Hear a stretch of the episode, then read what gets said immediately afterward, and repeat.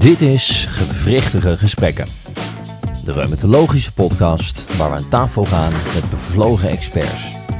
Deze aflevering wordt mede mogelijk gemaakt door Novartis. Welkom bij een nieuwe aflevering van Gewrichtige Gesprekken, de podcast voor Reumatologisch Nederland. Vandaag met Caroline Aalbers, hier naast mij, en met mijzelf, Nienke Leswie. Vandaag zijn we te gast bij een internationaal vermaarde en verdienstelijk pianospelende reumatoloog. Na een carrière in zowel de Verenigde Staten als Zweden is hij sinds een aantal jaren hier in Amsterdam neergestreken als hoogleraar reumatologie en afdelingshoofd reumatologie aan het Amsterdam UMC. Hij heeft een indrukwekkend aantal publicaties op zijn naam staan en richt zich met name op de behandelstrategieën bij reumatoïde artritis en SLE. Tot slot kenden wij weinig reumatologen die op een Wikipedia-pagina te vinden zijn. Ronald van Vollenhoven. Welkom Ronald. Dankjewel, Nienke. Leuk om met jullie te kunnen praten. Ja, ja wij waren wel onder de indruk van, uh, van jouw carrière. Want we zagen, je bent in de Verenigde Staten geboren. Je bent ergens weer in Nederland beland voor je opleiding geneeskunde. En toen weer terug naar de VS. Ja, de feiten kloppen, maar het klinkt anders dan het is. Want ik was eigenlijk door een toeval uh, in de Verenigde Staten geboren. Mijn ouders waren gewoon vanuit Nederland een poosje naar Amerika gegaan. In verband met het, uh, het werk van mijn vader. En in die periode ben ik geboren. Maar ik had dus eigenlijk niet veel met de Verenigde Staten dan alleen een geboortebewijs. En dat heeft dan zeg maar administratief nog wel wat voordelen als je later daar nog eens iets wil doen. Um, hoe dan ook, ik ben gewoon in Nederland opgegroeid, in Den Haag. Daar naar school gegaan, in Leiden gestudeerd. En toen aan het einde van de studie toen was ik een beetje onzeker wat ik wilde doen. En toen leek mij de uh, immunologie, het onderzoek doen in de immunologie, dat leek me heel erg interessant en uitdagend. En daar bood zich een mogelijkheid voor aan in New York. Nou, toen was ik ook wel een beetje avontuurlijk, dus ik dacht, nou, dat ga ik doen. Dus toen ben ik naar New York gaan, heb ik uh, drie jaar lang onderzoek gedaan in het laboratorium van de, in de immunologie toch wel vrij uh, bekende professor Jeannette Thorbecke. En Thorbecke denk dan, ik niet gelijk aan, aan immunologie, maar dat... Uh... Nee, de meeste misschien niet, maar zij was dus een nazaat van de beroemde Thorbecke van de schoolhervormingen uh, uit de 19e eeuw. Maar zij zelf was echt een uh, vermaard immunoloog en uh, was dus ook Nederlands en al sinds jaren in, in de Verenigde Staten aan het werk. En daar kon ik dus een, een aantal jaren onderzoek doen en dat is toen uiteindelijk ook bekroond met een proefschrift dat dan weer in Leiden werd verdedigd met professor Ralf van Furt als de promotor. Kijk, dus daar Kijk. begon het, uh, het internationale al. Want, want uiteindelijk um, ben je volgens mij ook internist. Uh, in de Verenigde Staten word je uh, altijd eerst internist. En okay. dan krijg je ook het formele ABIM certificate. En dan reumatoloog. Ja. Oké, okay, oké. Okay. En nou ja, daarna ben je dan uiteindelijk in Zweden ook terechtgekomen naar de Verenigde Staten. Hoe ben je daar zo beland? In de Verenigde Staten ontmoette ik mijn echtgenote. Um, en uh, zij was dus Zweedse. Zij woonde toen ook al lang in de Verenigde Staten. Uh, en uh, we zijn na een aantal jaren met elkaar getrouwd. En toen moesten we dus ook kiezen wat we eigenlijk zouden gaan doen met elkaar. Of we ja. in de Verenigde Staten zouden blijven, wat misschien wel had gekund. Of we naar Nederland zouden komen, excuses. Of dat we naar um, Zweden zouden gaan hebben we lang, en, uh, lang over nagedacht, veel over gepraat. En dan was het ook een beetje de praktische mogelijkheden. En op een gegeven moment was het zo dat uh, toen kon ik ook aan de slag bij het Karolinska Instituut in Stockholm. Dat vond ik ook uh, professioneel dan erg uitdagend. En op dat moment voor de familieredenen was het ook een goede keuze. Dus toen hebben we dat gedaan. Ja, en toen uiteindelijk weer hier in Nederland beland.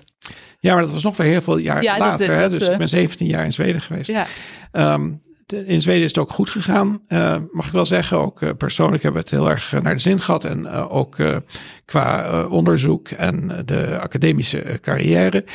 En op een gegeven moment heb je dan ook iets van, nou ja, maar nu ben ik ook wel weer toe aan een nieuwe uitdaging. En toen kwam dus die mogelijkheid in Amsterdam. Er was toen een fusie op gang. Die was er nog niet, maar die zou er komen tussen AMC en VUMC.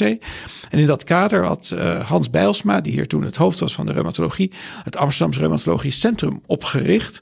Waarin de samenwerking tussen die twee partijen en ook de READE, het voormalige Jan mm -hmm. van Bremen Instituut, dan echt een formele uh, be be bevestiging zou gaan krijgen of ging krijgen. En uh, dat was dus een helemaal nieuwe uh, structuur. Maar ook met de verwachting dat er nog heel grote dingen zouden gaan veranderen. En uh, ja, Hans Bijlsma die was toen op het einde van zijn loopbaan. En er werd gezocht naar een opvolger. En de vraag werd aan mij gesteld of ik daar belangstelling voor kon hebben. Nou, die had ik wel. en na nog wat heen en weer zijn we toen het erover eens geworden dat ik dat zou gaan doen. Ja, ja. Hey, en nu je hier weer in Nederland bent, wat mis je nou het meeste aan Zweden? Ja, aan Zweden mis ik nog niet zoveel, omdat ik er nog heel veel kom. Hè. Ik heb nog steeds een beetje een persoonlijke situatie die verdeeld is tussen Nederland en Zweden. Um, dus ik, uh, ik heb dan een beetje best of both worlds, dat ik daar ook van uh, nog kan bij profiteren. Maar ik werk dus niet meer in Zweden. Ik heb dus wel nog veel contacten met mijn voormalige collega's, maar de professionele stelling, de situatie daar is toch dat ik daar eigenlijk een, uh, iemand ben die daar ooit gewerkt heeft.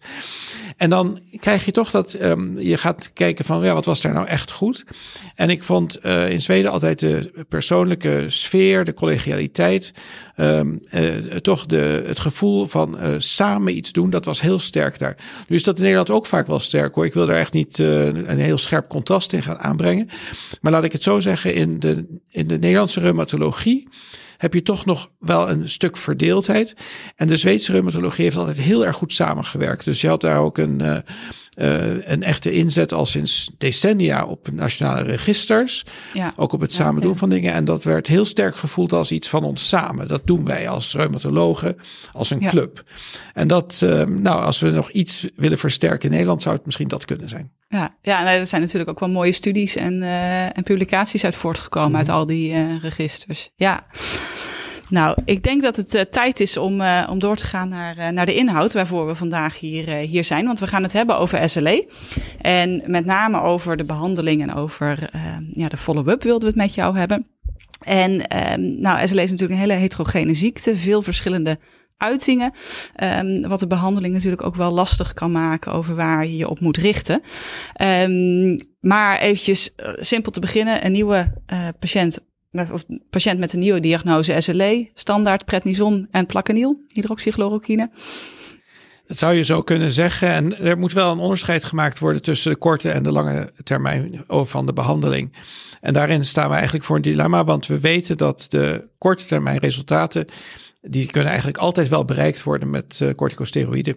Uh, dus als mhm. de patiënt pijn heeft of er is een ontsteking zichtbaar in een orgaan of op een uh, bloedproef en je wil er iets aan doen binnen een paar dagen, dan is dat de mogelijkheid. Ja. En dat kan ook en dat is heel effectief en heeft eigenlijk relatief gesproken weinig bijwerkingen op de korte termijn. Terwijl we ook weten dat als je dat als enige behandeling zou inzetten, dan zou je er echt de plank volledig mee misslaan op de lange termijn. Ja. Um, en daarom wordt er meestal meteen gezegd, eh, is de diagnose SLE en heeft de patiënt daar dus manifestaties van, dan moet ook een antimalaria middel worden gestart voor de lange termijn. Dat heeft dan aan de andere kant weer op de korte termijn geen enkele betekenis. Dus zo zit je meteen al met die twee uh, geneesmiddelen, met die twee therapieën op dat dubbele spoor van ik moet nu iets doen voor de patiënt, want die heeft dat nu ook nodig. En wat is het lange termijn perspectief? En daar is in de praktijk is daar heel veel ervaring mee. En dat weten de artsen die zulke patiënten behandelen, die weten dat ook. Maar toch hebben we moeite gehad, denk ik, als specialisten om dat ook uh, goed te formuleren. Hoe we dat dan zien, wat we daarmee dan eigenlijk willen. En, en bedoel je formuleren richting de patiënt, uitleggen waarom oh, we dit zo doen? Bedoel, of? Ik bedoel eigenlijk beide voor onszelf in de eerste plaats hoe zien we dit nu eigenlijk? En dan naar, uiteraard, uiteraard moeten we dat dan ook communiceren naar de patiënt toe. En ook de patiënt betrekken bij het formuleren van plannen en het maken van, uh, van strategieën. En waarom was dat voor ons dan als reumatologen moeilijk? Of internisten daar ook? Uh, ik denk dat we, ja, het is in de eerste plaats helemaal terecht wat je zegt. Het is reumatologen, maar ook heel veel andere specialisten die betrokken raken bij de zorg voor patiënten met SLE. En dat is ook de aard van het beestje. Um, en verder is het zo dat we, denk ik, we kunnen er theoretisch over nadenken en uh, we lezen een, uh, een, boek daarover of een uh, artikel of een richtlijn. Maar dan in de praktijk zit je toch vaak met wat er vandaag moet gebeuren. En die, die dagelijkse druk van het oplossen van de problemen waar de patiënt nu voor staat, die kan soms het beeld doen vervagen van wat het langetermijnperspectief is. Ja. Ja, en, en, um, en natuurlijk niet bij alle patiënten is die combinatie dan voldoende? Um, wat maakt dan dat je voor de vervolg of de bijkomende therapie bijvoorbeeld voor metotrexaat gaat of voor azathiopine? Wat? Nou, inderdaad. Dus um, je probeert de patiënt natuurlijk te behandelen met de middelen die het minst uh, risico voor bijwerkingen met zich meenemen en wel effectief kunnen zijn. En antimalaria middelen hebben het grote voordeel dat ze over het algemeen gesproken heel erg veilig zijn, heel goed verdragen worden. Um, als dat dan niet voldoende effect geeft en dat uit zich vooral in een steeds terugkerende behoefte om corticosteroïden te blijven voorschrijven, de dosis te blijven ophogen, dat het, het, het afbouwen niet lukt.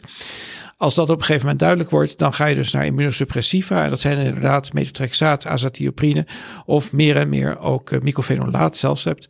Dat wordt dan ook wel gebruikt als een uh, uh, cortison spaarder of prednison spaarder kun je zeggen. Omdat je dan dus die behoefte aan prednison vermindert. Maar tegelijkertijd is er dan wel de gedachte bij dat je de ziekte ook beter onder controle krijgt met dat soort middelen.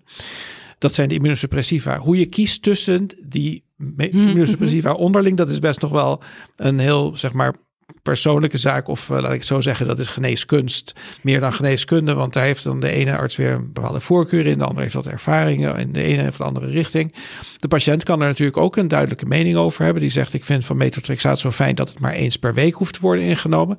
De ander zegt van, nou, ik vind dat metotrexaat, daar word ik altijd zo misselijk van. Daar kun je nog heel verschillende reacties over krijgen. Uh, eh, MMF heeft dan het voordeel dat het in sommige studies effectiever bleek te zijn. Um, aan de andere kant heeft het ook wel weer veel bijwerkingen die kunnen ontstaan. En als je dat dan met de patiënt bespreekt, dan heeft hij misschien ook wel een idee daarover. Ik denk dat er geen heel harde regels zijn voor de keuze tussen de immunosuppressiva. Maar dat je een immunosuppressivum zou moeten gebruiken als het anders niet lukt, is wel duidelijk. Dus ja. uh, daar, er, er is ook niet, het over eens Niet heel veel bewijs dus dat de ene beter is dan de ander. Er is nooit echt goed gekeken of, of het een beter is dan de ander. Er is natuurlijk een vergelijking gemaakt tussen MMF en uh, azatioprine als een onderhoudsbehandeling voor de nefritis. Met een klein voordeel voor de MMF, eh, althans in de studie die het meeste hiervoor wordt aangezien. Maar dan kun je nog altijd het, uh, zeg maar het verhaal hebben van oké, dat is dan voor de patiënten als groepen. Terwijl je voor de individuele patiënt misschien dan toch de ander middel kiest, ook omdat de verschillen toch wel klein zijn. Ja, ja, en dat is dus ook maar uh, alleen voor de nefritis. Uh, dus ja, gelijksoortige studies bij patiënten waarbij andere uh, manifestaties de boventoon voeren, die zijn eigenlijk niet gedaan. Had natuurlijk wel gekund, maar dat zijn van die opene vragen. Dus heeft de patiënt bijvoorbeeld met name artritis mm -hmm. of huidveranderingen? En zou je dan moeten kiezen tussen metotrexaat of azatioprine, dan kan eigenlijk niemand zeggen dat de een of de ander middel daarvoor duidelijk beter is. En dan blijft het een ja, geïndividualiseerde keuze. Ja, ja, dus die ruimte die is er ook. Ja, ook toen we in de voorbereiding de richtlijn zaten te bekijken, de EULAR-richtlijn, daar zie je dat eigenlijk ook al inderdaad in, uh, in terug. En als we dan weer een stapje verder gaan, als, als dit ook niet, niet lukt, dan uh, uh, komt ook de Belimumab om de hoek kijken uiteindelijk. Ja. En Belimumab is dus het eerste biologische geneesmiddel geweest dat is goedgekeurd voor de behandeling van SLE. Dus dat was op zich na al die jaren dat er al wel biologische geneesmiddelen waren voor de reumatoïde artritis en voor de artritis psoriatica en de spondyloartritis, maar nog niet voor de SLE. Dat was toen op een gegeven moment toch wel groot nieuws. Het is nu inmiddels alweer meer dan tien jaar geleden. En toen is belimumab dus goedgekeurd en de behandeling uh, voor patiënten met SLE, als ze dan de meer traditionele behandelingen waar we het net over gehad hebben, niet voldoende effect hadden gehad. Dus dan heb je een soort sortering van die patiënten en daar zou je dan belimumab kunnen toevoegen aan de bestaande behandelingen. Uh, in de hoop dat dat dan uh, nog een verbetering zou bewerkstelligen. En het was oorspronkelijk alleen beschikbaar als, uh, als infusie. Later is het ook als subcutane injectie mogelijk geworden. En het heeft in de studies die gedaan werden met dit middel, de gecontroleerde fase 3 studies, heeft altijd een aantoonbaar effect gehad, maar niet een enorm groot effect. Dus de de verschillen, als je dan keek naar het, het, percentage patiënten dat een bepaalde mhm. respons had, dat was er dan, dat verschil. En dat was ook statistisch significant, maar het was niet enorm groot. 10%, 15% ongeveer in die orde van grootte. Dat heeft ertoe geleid dat sommigen hebben gezegd van nou, dit is dus een zwak middel, een zwak mhm. werkend middel. Het heeft wel werking, maar het is een zwak werkend middel. Um, dat hoeft niet helemaal zo te zijn. Het kan zijn, wat ik persoonlijk meer terugzie in de praktijk, is dat het voor sommige patiënten best wel een sterk effect heeft, maar dan voor anderen weer niet. Dus dat gemiddelde ligt dan wat lager. Maar ik denk dat het wel voor de individuele patiënten een behoorlijk groot verschil kan maken. En is dat dan een bepaald type patiënt waarvan jij denkt, nou daar zou ik het sneller inzetten en meer verwachten? Ehm, ja, er is één heel duidelijk antwoord op en dan ook nog een vaag antwoord. Het duidelijke antwoord is dat voor patiënten met anti-DNA, antistoffen en complementverbruik, dus lage waardes van C3 en C4, is aangetoond dat die meer baat hebben bij deze behandeling dan, dan andere patiënten. Dus daar kan je in ieder geval op sturen. Maar daarnaast en dat is dan het vage antwoord, is er helaas niet zoveel om op te sturen. Dus het is nooit gebleken dat een patiënt met bepaalde manifestaties van de ziekte of met een bepaalde voorgeschiedenis of met bepaalde andere behandelingen nog extra veel baat zou kunnen hebben bij deze behandeling. En wat dat betreft blijft het dus toch nog wel erg bij uh, trial and error. dat je het toch maar moet proberen en kijken hoe het gaat. En dan is bij belimumab een lastig punt dat het vrij lang duurt voor je het effect kunt beoordelen. En hoe, hoe lang uh, moet je dan wachten? Ja, daar verschillende meningen een beetje over. De formele uh, studies die hebben laten zien dat het zes maanden duurt voor je het effect echt duidelijk kunt zien ter vergelijking met uh, placebo. Maar dat wil volgens mij nog niet zeggen dat je echt zes maanden moet wachten. Want dan zou het klinken alsof je dus vijf en een halve maand lang helemaal niets en dan ineens een effect. Maanden. En dat is natuurlijk niet zo. En in mijn eigen ervaring, die de laatste jaren helaas wat beperkt is, maar daarvoor toch wat meer. Uh, is het dan zo dat de patiënten toch al vrij snel kunnen aangeven dat er wel iets de goede kant op gaat. Dat hoeft misschien niet, uh, niet maanden en maanden te duren. Dat ze misschien nadat ze twee of drie keer zo'n infuus gehad hebben of een paar keer die injectie genomen, dat ze zeggen van goh, ik voel me toch nu wel beter. En ik merk toch wel dat het beter gaat. Dat moet je dan ook nog wel valideren natuurlijk. Er is altijd een placebo-effect. Maar ik denk dat dat wel ongeveer juist is. Ja, en dus dan hoef je ook niet, zou je misschien ook niet die hele zes maanden hoeven te wachten om te besluiten of je ermee doorgaat ja, of dat niet. is dus de omgekeerde kant. Als je na drie maanden geen enkel effect ziet, dan vind ik het een beetje twijfelachtig om nog door te gaan. Dus dan, dan moet je echt wel heel goed nadenken of dat dan nog gemotiveerd is. En welk percentage van de SLE-patiënten heb je een idee welk percentage hierop uitkomt op dit middel? Hoe vaak we dit uh, geven? Ja, dat is op dit moment nog moeilijk te zeggen. We hebben natuurlijk geprobeerd om in Nederland ook daarover een soort van register te creëren met patiënten die melimumab-behandeling krijgen. het zijn er niet zoveel nog, hè? dus het wordt vrij weinig gebruikt in Nederland. Nu moet ik meteen hebben bij de, de, de disclosures moet je ook aangeven. Ik ben altijd betrokken geweest bij studies met Belimumab, ook als uh, vanuit een academisch perspectief is dat dus natuurlijk ook belangrijk geweest. Ik heb ook adviserende rollen gehad naar de, uh, het bedrijf toe, naar GSK toe. Dus, dat, uh, dus ik, ik ben misschien bevooroordeeld. Maar laat ik het zo zeggen, het middel wordt weinig gebruikt. En ik kan me voorstellen dat er patiënten zijn die er baat bij zouden kunnen hebben, maar bij wie dat nog niet is overwogen. Dus dat is dan mijn persoonlijke opvatting daarover. Heb je dan een idee waar dat dan in zit? Ja, misschien dat er twee dingen een rol spelen. Het ene is dat het is bij nieuwe geneesmiddelen altijd zo dat je daar een soort bekendheid mee moet krijgen voor je die gaat gebruiken. En dat is, um, uh, ja, dat is in, de, in het beroep zit dat een beetje verankerd. Dat je dan toch als arts wil je toch goed een gevoel hebben van dat dit is vertrouwd.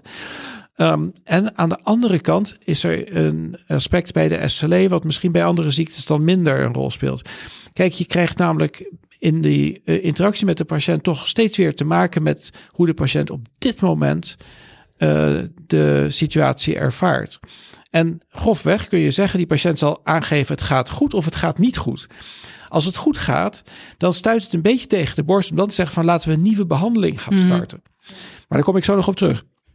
Als het slecht gaat met die patiënt, als die patiënt zegt ik heb erg veel pijn in mijn gewrichten, en heel veel huiduitslag en pijn op de borst. En dan ga je kijken, en het is ook echt, er zijn echt organische manifestaties van de ziekte die dat veroorzaken. Ja, dan kun je niet aankomen met iets wat drie tot zes maanden duurt. Nee. Dus in die tweede situatie is belimumab eigenlijk geen erg handige keuze. In die eerste situatie, waar ik zei dat stuit tegen de borst, om een patiënt die zegt dat het goed gaat, om dan met een nieuw middel te starten. Maar daar moeten we nog eens naar kijken, want gaat het werkelijk goed? Op het moment dat die patiënt misschien nog heel veel andere geneesmiddelen gebruikt en de patiënt maakt het op die ene dag goed, maar heeft een geschiedenis waarbij je ziet dat die ziekte steeds weer terugkomt, dat er steeds weer flares ontstaan, er is steeds weer nodig om in te grijpen met hogere en hogere doses corticosteroïden. Dan kan het vandaag goed gaan, maar dat is geen enkele garantie. En ik denk dat je juist op dat moment toch wel zou kunnen overwegen om een, lang, een, een uh, lange termijn behandeling te kiezen die op dat moment misschien zo nodig lijkt, maar dat zal wel blijken te zijn. Ja, Dus misschien eigenlijk dat prednison te makkelijk is, dat het, dat het zo goed en snel werkt, dat je dan ja, de... Ik had een uh, patiënt nog in Zweden die, uh, met wie ik later nog contact heb gehad. Zij is ook een uh, patiëntenvertegenwoordiger voor de Europese lupusorganisatie. Eurolupus heet die ook. ook. En zij had een ja, ziekte die toch moeilijk te behandelen was. Heel veel verschillende behandelingen. Ze had ook wel ernstige ziekten, uh, ook al op jonge leeftijd. Echt zo'n patiënt waar je dan voor voelt dat het een zeer, zeer bedrukkende en ernstige ziekte is. Um, en zij had dan natuurlijk ook over de loop van de jaren vaak een flare. En moest dan behandeld worden met een uh, hogere dosis prednisolon. Of een verhoging van de dosis die ze al had. Of opnieuw beginnen met prednisolon. En ze drukte naar mij, als, zij als patiënt, naar mij als arts altijd uit hoe erg ze dat vond. Dat ze dan weer een prednisolon moest nemen. En, dan zei ze ook van, moet het echt? En zei ik, ja, het is echt nodig. Uh, ik ontkom het er niet aan. En pas later, toen mijn behandelrelatie met haar al was uh, beëindigd, maar we hadden nog wat contact vanwege die rol die zij heeft als patiëntenvertegenwoordiger, zei ze tegen mij dat ze daarin eigenlijk mij een beetje had beduveld. Want ze zei, ik vond het namelijk ook heerlijk om de prednison te kunnen innemen. Want het gaf me ook altijd zo'n. Ik, ik werd er altijd als op het moment dat ik dat weer kon gaan innemen, op het moment dat ik die dosis verhoogde, gaf me dat ook een beetje een kick. Maar dat durfde ik nooit te vertellen. Want dan dacht u misschien dat ik eraan verslaafd was. Nou, dat was een totale openbaring voor me. Dat ik dacht dat we onderschatten, denk ik, hoe ontzettend uh, uh, sterk dat effect is op de positieve beleving. Terwijl die patiënt ook wel weet dat het geen goede lange termijn oplossing is hoor. Dus dat, nee. uh, dat maakt het voor haar ook heel ambivalent. Ja, ja, oké. Okay. Dat herkennen we denk ik als dokters ook wel. Ja. Je weet het goede effect op de korte termijn en dat je daarvoor heel veel goed betekent. Mm -hmm. Maar ook dat je weer vastzit aan een afbouw en andere ja. overwegingen. Ja. ja. En we kwamen in de, in de voorbereiding kwamen we ook nog rituximab tegen. Hè, wat natuurlijk wel bij hematologische manifestaties in ieder geval gebruikt wordt bij SLE. Maar is er nou ook nog meer plek voor rituximab? Of gaat hij er misschien ja, komen? Ja, dat is zo'n zo'n enorm raar verhaal geweest. Uh, we waren toen bij Karolinska ook betrokken bij de eerste studies met rituximab. En dat zag er ontzettend veelbelovend uit. We dachten echt van, nou hier hebben we iets. Het is ook heel logisch, hè, want SLE is natuurlijk een ziekte gekenmerkt door auto-immuniteit, maar met name auto-antistoffen. Ja. En rituximab, dat is natuurlijk tegen ja, de B-cellen, die uiteindelijk tot plasmacellen worden en dan antistoffen produceren. Dus je denkt, ja, dit moet gewoon werken. En het werd geprobeerd en het leek ook te werken. En er waren best wel goede studies, die dan ook voor en na goed gekeken. Maar toen werd er uiteindelijk werd, werden er twee gerandomiseerde studies gedaan. En die tonen dus geen goed effect aan. Geen, uh, in de ene studie helemaal geen effect. En in de andere studie een heel marginaal effect. Dus dat viel erg tegen. Hebben, later hebben mensen gezegd, nou weet je, die studies die waren misschien niet op de beste manier gedaan. Er zitten natuurlijk veel methodologische aspecten aan zo'n studie. Kan het zijn dat als we het anders hadden opgezet, dat het resultaat dan duidelijker was geweest. Toen zijn er verschillende pogingen ondernomen om met rituximab nog andere studies te doen. Dat is nooit gelukt. Dus het is nooit gelukt om die studies van de grond te krijgen. Okay. Dat is heel teleurstellend. En dat spoor lijkt eigenlijk een beetje te zijn doodgebloed. En de meeste organisaties die dan uh, werken met richtlijnen of um, aanbevelingen voor de behandeling van SLE, die zeggen: kijk, als je met je rug tegen de muur staat en niets anders meer te bieden hebt, dan zou je nog wel rituximab kunnen overwegen.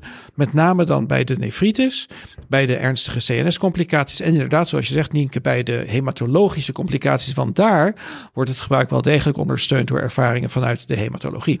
Ja.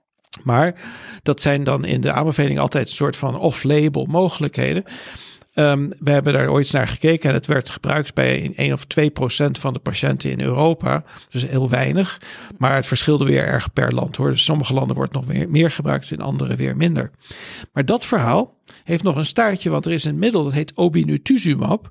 Dat is ontwikkeld voor de behandeling van chronische... Wij kijken, hier, wij kijken elkaar hier aan.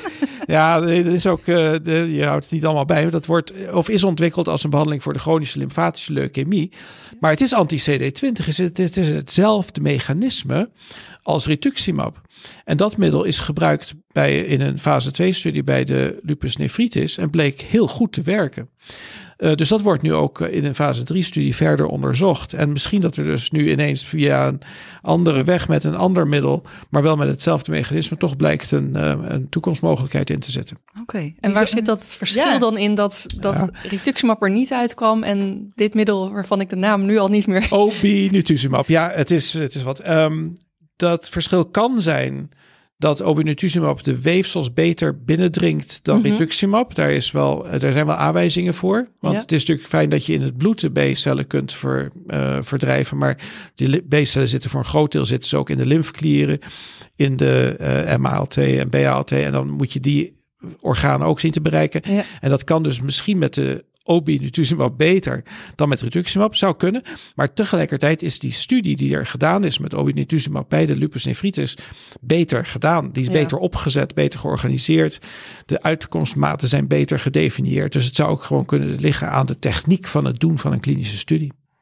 Ja. Bijzonder hoe dat dan toch weer uh, loopt zo. Dat je misschien dan via een omweg uiteindelijk toch weer op de rituximab uit gaat, uh, gaat komen. Of een broertje ja. dus van. Ja, ja, is mogelijk. Ja, en wat we zaten ook nou ja, verder te kijken naar nieuwe ontwikkelingen. En er kwamen we nog wel weer wat middelen uh, tegen, waaronder ook de anifrolumab. Um, kun je daar iets over vertellen? Want voor mij was het vrij onbekend terrein. Ja, en misschien voor velen nog onbekend, maar dat gaat bekend worden. Want inderdaad heeft de, de European Medicines Agency heeft anifrolumab goedgekeurd voor de behandeling van SLE. Dat is een paar maanden geleden pas gebeurd. En het is nog niet beschikbaar, maar dat gaat waarschijnlijk heel snel komen. Okay. En anivolumab is bijzonder en uh, spannend, want het is een uh, antagonist van interferon, van het interferon systeem. Het uh, is een moleculare antistof die bindt aan de receptor voor de type 1 interferon. En dat is dus interferon alpha en beta. En dat is een heel interessant verhaal, omdat er echt wel een gedachte uh, achter zit die, die belangrijk is. Het is namelijk al sinds ongeveer 20 jaar bekend dat het interferonsysteem overactief is bij patiënten met SLE. Het kan ook vrij gemakkelijk worden aangetoond door de zogenaamde interferon signatures. Gewoon een bloed, bloedproef. En er wordt gekeken naar een aantal genen die gereguleerd worden door interferon. En die zijn dan meer actief. Um, en dat blijkt uh, het geval te zijn bij een meerderheid van de patiënten met SLE, maar niet een absolute meerderheid, is 60% of zoiets. Nou goed, bij die patiënten krijg je dus uit veel onderzoek de indruk dat het inderdaad de, de, de overactivatie is van het interferonsysteem die maakt dat die patiënten SLE hebben. Dus het zou heel oorzakelijk kunnen zijn voor deze mhm. ziekte. Het blijft natuurlijk altijd een vraag: waarom is dat interferonsysteem dan overactief? En dat wordt ook wel onderzocht en er zijn ook wel weer aanknopingen voor, uh, aanknop, hoe heet het, aanknopingspunten. Maar het is een heel belangrijk deel in de puzzel van wat SLE eigenlijk is, waar het door komt, hoe het wordt veroorzaakt en wat we daaraan kunnen doen. Nu is dit al vrij lang bekend, die rol van het interferonsysteem. Maar dan moet je wel even nadenken waar je het over hebt. Interferon is dus een heel belangrijk uh, signaalmolecuul in onze afweer tegen infecties, met name virusinfecties. En heeft ook een rol bij de bestrijding van maligniteiten. Dus als je zou beginnen met niks en zeggen van laten we interferon eens gaan blokkeren, dan roep je toch wel hele grote vragen op. Kan dat eigenlijk wel? Is het niet ontzettend gevaarlijk mhm. om dat te doen? Ja. Dus uh, is er van het begin af aan wel voorzichtigheid betracht, maar het is in de studies heel goed gegaan. Er zijn een aantal interferon-antagonisten getest. Sommige daarvan hadden geen positieve effecten, maar waren tenminste ook niet gevaarlijk. Dus dat was uh, teleurstellend, maar toch wel belangrijk. En anifrolumab is toen naar boven gekomen als de interferon-antagonist die het verst, die het, het verst heeft geschopt. In de klinische studies die daarmee gedaan waren, is effectiviteit aangetoond. Maar daar kunnen we zo nog even iets over zeggen. Maar ook de veiligheid bleek heel redelijk te zijn. Er was dus geen enorme toename van infecties. Er werd wel een iets verhoogde voorkomst gezien van um, herpes zoster, hè, dus uh, van mhm. gordelroos.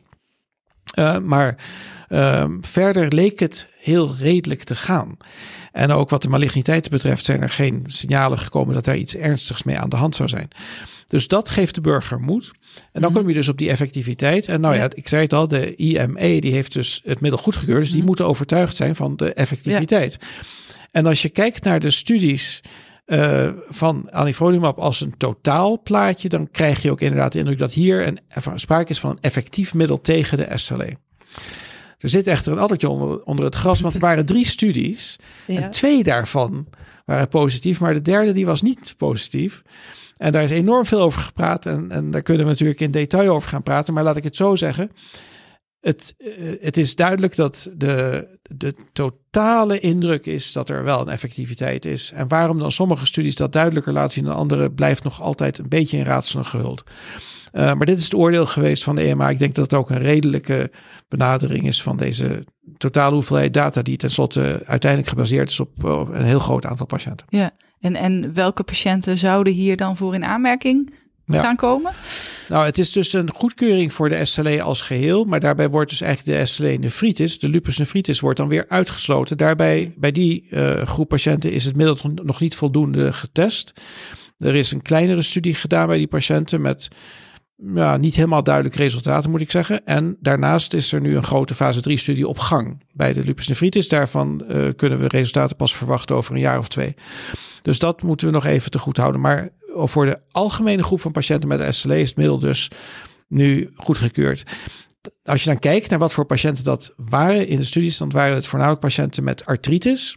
Mhm. Van, en met huidveranderingen. Dus die twee groepen zijn duidelijk al eh, veruit het meest vertegenwoordigd. En uh, wat met name indruk heeft gemaakt op de artsen die aan deze studies hebben deelgenomen en op hun patiënten, is dat de huidmanifestatie zeer vaak uh, enorm verbeterde. Uh, dus dat is iets wat je dan ook, omdat je het zo makkelijk kunt zien, mm maakt ook indruk. Ja. Wat de gewrichten betreft, is er ook wel aangetoond via metingen van het aantal gezwollen, het aantal pijnlijke gewrichten en dat soort dingen, is er wel aangetoond dat er een effect is. Maar het is misschien minder indrukwekkend geweest in de, in de dagelijkse praktijk. Al moeten we dat nog wel echt gaan zien, uh, ook als we patiënten gaan behandelen in de, de gewone werkelijkheid en niet alleen maar in de studies. Ja. Um, wat andere manifestaties betreft is het dus moeilijker te zeggen. Patiënten met pleuritis of pericarditis, patiënten met hematologische manifestaties, neurologische manifestaties. Mhm. Op al die gebieden zijn de aantallen patiënten die tot nu toe behandeld zijn eigenlijk te klein om zekere conclusies te kunnen toestaan. Maar het is wel zeer waarschijnlijk dat als er een algemeen effect is ten goede op de SLE-ziekte als zodanig, dat al die manifestaties wel iets van een verbetering kunnen laten zien. Ja, ja, dus dat moet de toekomst nog, uh, nog uitwijzen. Ja, er is heel veel wat we nog moeten leren over dit middel. Wat je natuurlijk hoopt, is dat het een soort uniek effect heeft. Iets wat andere middelen niet hebben, zodat het complementair zou kunnen zijn aan het behandelingsarsenaal dat we al hebben. Het zou aan de andere kant teleurstellend zijn als blijkt dat de patiënt die van dit middel baat heeft, dat het exact dezelfde patiënt heeft die exact dezelfde patiënt is die ook baat heeft bij azatioprine of bij limumab. Maar dat zou ook nog kunnen. We weten het gewoon niet. Dus hier moeten we nog heel veel ervaring gaan opdoen in de praktijk. Mijn hoop is echter dit, dat het wel degelijk complementair zal zijn, dat juist de patiënten die geen baat hadden bij de conventionele immunosuppressiva, die misschien teleurstellende resultaten hadden met belimumab en voor wie eigenlijk de andere mogelijkheden toch al uitgeput waren, dat die juist hiervan een echt een, een duidelijk uh, nut zullen hebben. En ik hoop nog iets anders. Het is bij SLE zo dat patiënten hebben dus manifestaties zoals huidveranderingen, artritis, pleuritis. Maar bijna alle patiënten zullen ook aangeven dat ze zich vreselijk slecht voelen dat ze moe zijn, dat ze de dagelijkse mhm. zaken niet aankunnen. Zij benoemen zaken die wij ook kennen uit andere gebieden. En nu in het laatste jaar met name ook uit het post-COVID-syndroom. Mhm. Dat gevoel dat je, dat je de energie niet hebt, ook het, het denken, de, de concentratie. En dat zeggen de patiënten met SLE ook heel vaak. En dan zijn wij altijd geneigd om een beetje voorzichtig te zijn met de interpretatie. Is dat wel een manifestatie van de SLE of zou het iets anders kunnen zijn? Psychisch of de omstandigheden? Kan, maar ik vind het toch wel heel indrukwekkend hoe patiënten dit consequent zeggen en dat het vaak ook in samenhang is met de activiteit van de SLE-ziekte. Nou, als jij of ik ziek worden, als we een griepje krijgen, dan voelen we ons ook ellendig. En waar komt dat door? Nou, het zou best wel kunnen omdat ons lichaam op dat moment een virus ziet en heel veel interferon aan het produceren is, dat het het interferonactivatie is die maakt dat wij ons zo slecht voelen. En daarom hoop ik een beetje, maar dat kan ik op dit moment nog niet bewijzen, dat voor patiënten met SLE, misschien ook in de toekomst voor andere ziektes, dat juist deze hele nare aspecten van de ziekte, die zo moeilijk grijpbaar zijn, dat die juist door behandeling met interferon-antagonisten wel zullen gaan verbeteren. En dat daarin echt een hele bijzondere en unieke bijdrage kan zijn aan de behandeling. Ja, dat zou natuurlijk heel erg mooi zijn als dat, uh, als dat gaat lukken. Um, ik hoor al, we kunnen hier nog heel erg lang over doorpraten, maar we hebben nog een uh, ander belangrijk onderwerp wat we willen bespreken. Maar voordat we dat gaan doen, gaan we mhm. eventjes een intermezzo uh, in naar de Quick 4. Quick 4. Um, en dat zijn hele vragen die helemaal niks met SLE te maken hebben. Als eerste, wat is je grote passie? Een grote passie. Ja, ja. ja ik, ik, ben toch wetenschapper. Dus ik, kijk, uiteindelijk vind ik de wetenschap dat je de grenzen van wat je weet verlegt. Dat, is, dat vind ik fantastisch. En dat geldt natuurlijk dan voor hè, ons eigen gebied. En ik probeer dan een bijdrage te leveren op de SLE, de reumatologie. Mhm. Maar ik ben ook gefascineerd door de wetenschap in het algemeen. Ik lees over allerlei andere gebieden van de wetenschap. De, de natuurwetenschappen en ook de, de, de geesteswetenschappen. Ik vind het allemaal prachtig. En uh, nou, misschien een beetje in die lijn, maar wat zou je doen als je dan niet de richting van de reumatologie op was gegaan? Ja, dan denk ik dat ik toch echt wel een andere wetenschap had gekozen. Ik was toen ik de geneeskunde uh, studie uh, moest beginnen. Toen was er natuurlijk een loting. Ik wist ook niet zeker of ik dat zou kunnen gaan doen. Had ik als alternatief had ik de natuurkunde, want dat vond ik ook fantastisch. En ik heb later als, uh, als arts heb ik ook gedacht, ik vond de reumatologie fascinerend, ook vanwege de koppeling met de immunologie. Maar ik vond ook de neurologie fascinerend vanwege de neurowetenschappen. Ja. En zo zijn er ook andere gebieden waarop ik de combinatie van de, de geneeskundige en de wetenschappelijke aspecten echt uh, schitterend vind. Als je jezelf op de eerste dag van de opleiding, terugkijkend dus, een advies kon geven, wat zou je dan tegen jezelf zeggen? Ja, bij zo'n vraag redeneer je vaak uit je eigen ervaring. Wat ik uh, zelf zou gedaan hebben en wat ik ook kan aanreizen, is echt heel duidelijk krijgen wat de verwachtingen zijn.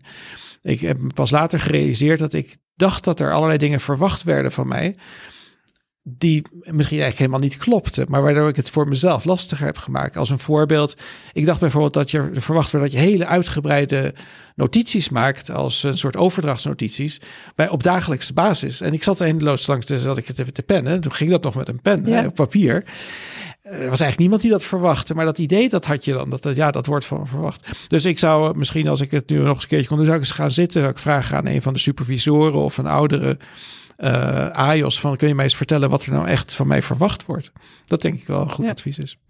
En uh, we zijn heel veel dingen net al langsgekomen, maar overal, wat is voor jou de belangrijkste verandering binnen de reumatologie in het tijdsbestek van jouw uh, carrière tot ja, nu maar dat is voor mij makkie, want kijk, toen ik de reumatologie begon, was het een heel ander specialisme. We hadden toen nog heel beperkte mogelijkheden voor de patiënten met artritis, met de verschillende soorten van ontstekingsreuma. En natuurlijk ook voor de patiënt met systeemziekte. En ik had op dat moment nog niet echt kunnen voorzien wat een enorme veranderingen er zouden komen door de ontwikkeling van de biologicals, maar ook door de ontwikkeling van andere behandelingsstrategieën. Aanpak is toch erg veranderd. Uh, ik denk dat we uh, bijna in geen enkel medisch gebied zulke grote veranderingen hebben gehad als in juist ons uh, gebied van de reumatologie. Ja, dat ben ik met je eens. En um, als we dan vanuit daar doorgaan naar ons tweede deel nog van, uh, van deze podcast. We hebben het net over behandelingsmogelijkheden gehad, waarbij er heel veel meer bij zijn gekomen. Um, de, zeg maar voor een goede behandeling is uiteindelijk een goede follow-up en het monitoren van patiënten ook heel belangrijk. Dus daar willen we uh, op verder gaan. En um, dan specifiek over targets uh, die je hebt in de polyklinische praktijk. Uh, targets van remissie, maar ook lage ziekteactiviteit. en misschien uiteindelijk treat to target daarbij. Voor sommige ziektes lijkt het wat makkelijker, zoals reumatoïde artritis. Uh, uh, hoe je de ziekte monitort, welke score je daarvoor gebruikt. Uh, en dan heb je ook nog heel veel therapeutische op opties die heel effectief zijn. Bij SLE lijkt het target wat uitdagender en ehm, de beschikbare behandelingen ook wat. Nou, er zijn er wel veel opties, maar de effect size daarvan misschien um, ja, toch anders dan die bij reumatoïde artritis. Misschien als eerste vraag: waarom is remissie, dan wel laag ziekteactiviteit. Waarom is dat belangrijk bij SLE?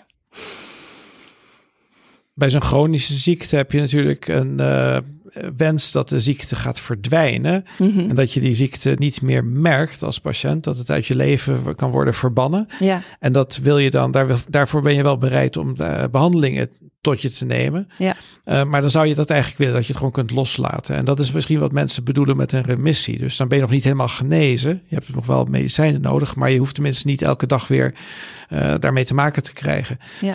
Um, dus ik, het is een intuïtief uh, doel van de behandeling. Ik denk dat de patiënten het goed aanvoelen, artsen ook.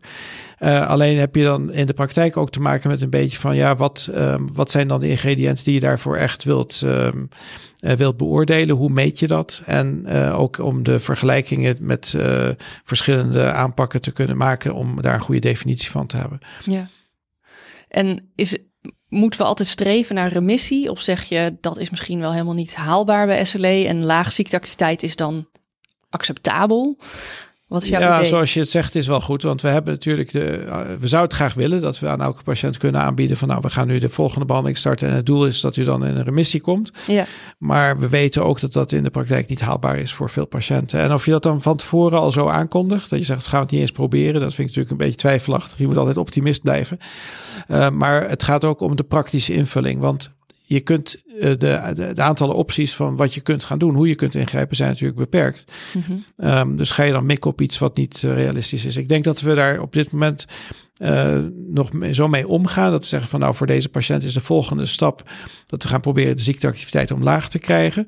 En we hebben daarvoor nog een aantal opties. Die gaan we nu één voor één proberen te implementeren. We kunnen zeggen dat de remissie wel het, het doel zou kunnen zijn. Maar als we dat niet bereiken, dat we misschien ook tevreden zijn met een, een lage mate van ziekteactiviteit.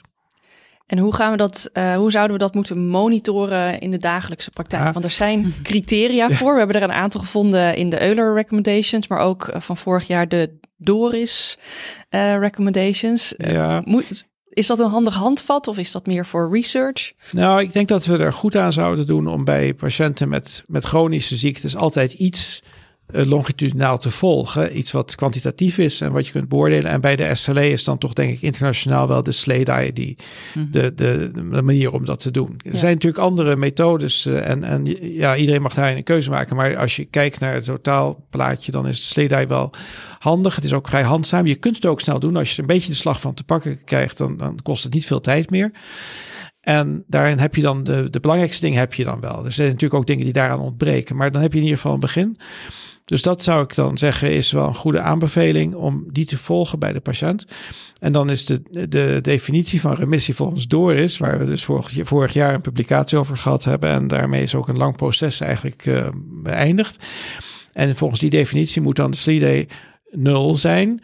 Met nog de uitzondering voor twee kleine punten, namelijk de anti-DNA en complementwaardes hoeven dan niet nul te zijn. Maar de, de rest van die dingen moeten dus eigenlijk op de SLIDE niet meer aange, kunnen worden. Ja. Dan is de patiënt in remissie. Daar zou je naar willen streven. Maar nogmaals, het kan zijn dat je bij die individuele patiënt ziet dat je sommige dingen toch niet helemaal onder controle krijgt. En dat je nu werkelijk alle therapeutische opties al hebt uh, door, doorlopen. En op een gegeven moment moet je dat kunnen accepteren natuurlijk. Dus dan ga je ook, moet je ook geen gekke dingen gaan doen om dat doel nog te bereiken. Maar um, uh, dat zou in ieder geval een gebruik zijn, een praktisch gebruik zijn van die uh, de Doris-definitie. Ja. En bij de Doris-definitie viel ook op dat ze, um, zeg maar dan de remissie is dan die, die SLEDAI van nul. Um, maar dan zijn ook een, zeg maar, aantal medicijnen in combinatie met dus weinig, weinig tot geen ziekteactiviteit is dan uh, ook acceptabel. Uh, zelfs biologicals worden daar dan bij geteld. Dus ja, maar dat is dus dan een interessante discussie geweest. Want sommigen hebben gezegd, nou ja, een echte remissie, dan moet je ook geen behandeling meer nodig ja. hebben. Maar dat is dan eigenlijk meer een genezing. En in andere ziektegebieden doen we dat niet zo. Dus een patiënt met reumatoïde artritis die nog metotrexaat neemt en een klein beetje prednisolon en uh, ook nog uh, een, uh, een antagonist van TNF of iets dergelijks. En die heeft helemaal geen gezwollen gewrichten meer en nergens pijn. En die maakt het goed. Dan zeg je die is in remissie. Terwijl die patiënt dus wel behandeling heeft. Dus dat, hebben, dat principe hebben we ook op de SLE toegepast. Maar er is een uitzondering. En dat is namelijk dat als iemand zegt: Ja, ik heb SLE en uh, ik heb op dit moment nergens last van. En je kijkt die patiënt na en alles is goed. En dan zegt die patiënt, ja, maar ik neem ook elke dag 20 milligram prednisolon in. Ja. Dan ben je toch niet tevreden. Want dan weet je dat dat binnen vrij korte tijd al heel erg ernstige consequenties zal gaan hebben. Dus we hebben gezegd, het mag een remissie zijn. Het mag ook met behandeling, maar niet meer dan 5 milligram prednisolon dagelijks. Je kunt eindeloos debatteren over of dat juist niveau is, 5 milligram. Sommigen vinden dat te hoog, anderen te laag. Maar daar zijn we op uitgekomen. Maar je staat wel behandeling toe, maar niet onbeperkt welke behandeling. Met name dus bij prednison is dan een, uh, zeg maar een doserings Daar ging, uh, daar ging het vaak over. Er zijn nog wat andere voorbeelden. Maar uh, ook met de immunosuppressiva kun je soms redeneren dat je op de lange termijn toch wat negatieve consequenties kunt zien. Maar daar hebben we dus geen uitzondering voor gemaakt. Dus dat, dat wordt op dit moment nog wel geaccepteerd. Als je in remissie bent en je hebt een stabiele behandeling met immunosuppressiva, met een lage dosis prednisolon en met antimalaria middelen en ook biologicals, als het een stabiele behandeling is, als is langere tijd, dan is dat ook toch echt wel een remissie. En is dan het target wat we, als we dan kijken naar treat to target, is dan de SLEDAI een, een goed target om periodiek te doen bij, uh, bij de follow-up van deze patiënten? Ik, naar mijn mening wel. En ik, ik denk dat je als arts je, ehm, je, je, eigen keuzes mocht maken, mag maken, maar dat je wel iets moet volgen. En dan vind ik de daar een hele redelijke keuze voor de praktijk, omdat nogmaals, het is te doen. En je mhm. moet het, in het begin denk je van god, er zijn al veel dingen, maar je, je leert het heel snel hoor. Dus dat gaat uh, op een gegeven moment kun je dat uh, inbouwen in de praktijk, wat niet het geval is met sommige andere instrumenten. En, en, je zei net van niet alles zit in de sleedai. Nou ken ik de sleedai niet uit mijn hoofd. Ik heb wel die vinkjes nodig. Wat zit er niet in wat je nog wel los ook zou moeten monitoren? Ja, een paar zeldzame SLE-manifestaties. Oogbetrokkenheid, gastrointestinale betrokkenheid, die zitten er niet bij. Uh, dus uh, ik denk ook de subjectieve component zit er niet zo uitdrukkelijk bij. Dus als, je, als de patiënt aangeeft om erg veel uh, vermoeidheid of uh, brain fog te ervaren. En nogmaals, we hebben altijd de discussie: is het dan een deel van de ziekte of niet? Maar als je dat bij die individuele patiënt wel ziet als een deel van hun ziekte, dan is dat ook mee, iets om mee te nemen. Ja. ja. En, en die tweet to target, is dat iets wat we gaan doen bij SLE? Moeten we dat misschien eigenlijk al lang we, doen? We doen het natuurlijk voor een deel al. We krijgen heel grappige reacties op het uh, bespreken van tweet to target. Want sommigen zeggen van nou, dat is niks voor mij. En anderen zeggen ja, maar dat doen wij toch al. Dus um, ik denk dat we het allemaal voor een deel al doen en voor een deel niet. En dus dat we daarin ook nog meer geholpen kunnen worden. En we zijn nu dus bezig met het ontwikkelen van een app die je ook kunt gebruiken in de praktijk om het Treating to nog meer operationeel te maken. En dat zal gepresenteerd worden op het EULAR-congres door Agnar Parra, een van onze promovendi. Oh, wat leuk. En ik weet niet of je al een tipje van de sluier mag oplichten, maar is dat een, een, een app voor, voor de reumatoloog of een app voor de patiënt of voor allebei? Nee, dit is een app voor de reumatoloog. Kan ook, uh, of kan ook een klinisch immunoloog zijn of een andere specialist. Maar dus uh, het is, dit is voor de arts en dan gaan we misschien nog iets voor de patiënt ook uh, ontwikkelen. Nou, we wachten het af, deze Euler. Ja. Oké, leuk. Duivelse dilemma's. Ik denk voordat we deze podcast gaan afsluiten, dat we je nog een paar uh, duivelse dilemma's willen voorleggen. Oh, dat is ook een, uh, een, een, standaard feature in deze podcast. En uh, ja, het zijn verschillende keuzes. de eerste. Kies jij voor stroopwafels of kies jij voor kanelboulard, oftewel de Zweedse kaneelbroodjes? kaneelbuller. zijn ook wel erg lekker. Um, Bach of Beethoven? Beethoven. ECR of Euler? Euler. Associatie eh, van jouw achternaam met Van Vollenhoven bier of Van Vollenhoven van het Koninklijk Huis? Toch wel meer het Koninklijk Huis in dit geval. um, als laatste vraag, wat uh, zou jij de luisteraars van deze podcast willen meegeven? Uh, wat moeten ze nou echt onthouden over SLE van wat we nu hebben besproken? Wat we nu besproken hebben is maar een heel klein stukje van de SLE. Dus het, het blijft een fascinerende en heel uh, multigefacetteerde ziekte. Maar ik wil vooral ook zeggen dat wat je vandaag weet, wat we vandaag allemaal weten over de SLE, over een paar jaar zal het wel heel anders zijn. We gaan uh, grote veranderingen tegemoet bij deze ziekte. Oké. Ben, ben, ik dan toch wel even heel benieuwd wat jij denkt wat de toekomst brengt? Als, als aller, allerlaatste vraag. Voor de SLE ja. of in het algemeen? Ja, oh, voor, de SLE ja, denk het wordt wel heel groot. Ja, nee, dat is ook zo. Voor de SLE denk ik een uh, totaal ander behandelingsarsenaal en ook een andere indeling van de ziekte. Ik denk dat we over vijf jaar niet meer over SLE spreken, maar over de, immuun, de auto-immune ziektes. En dan naar de aard van de afwijking die eronder ligt. Nee, ik uh, hoor het al, Carolien. We moeten nog een keer terugkomen hier, uh, volgens mij. Ik denk het ook. Ronald, ik wil je heel erg hartelijk bedanken voor je medewerking aan deze podcast. Uh, en dan gaan we hem afsluiten, ook met dank aan onze luisteraars. En die, uh, nou, die zien of horen we graag de volgende aflevering weer. Dank jullie wel. Bedankt voor het luisteren naar gewrichtige gesprekken. Graag tot de volgende aflevering.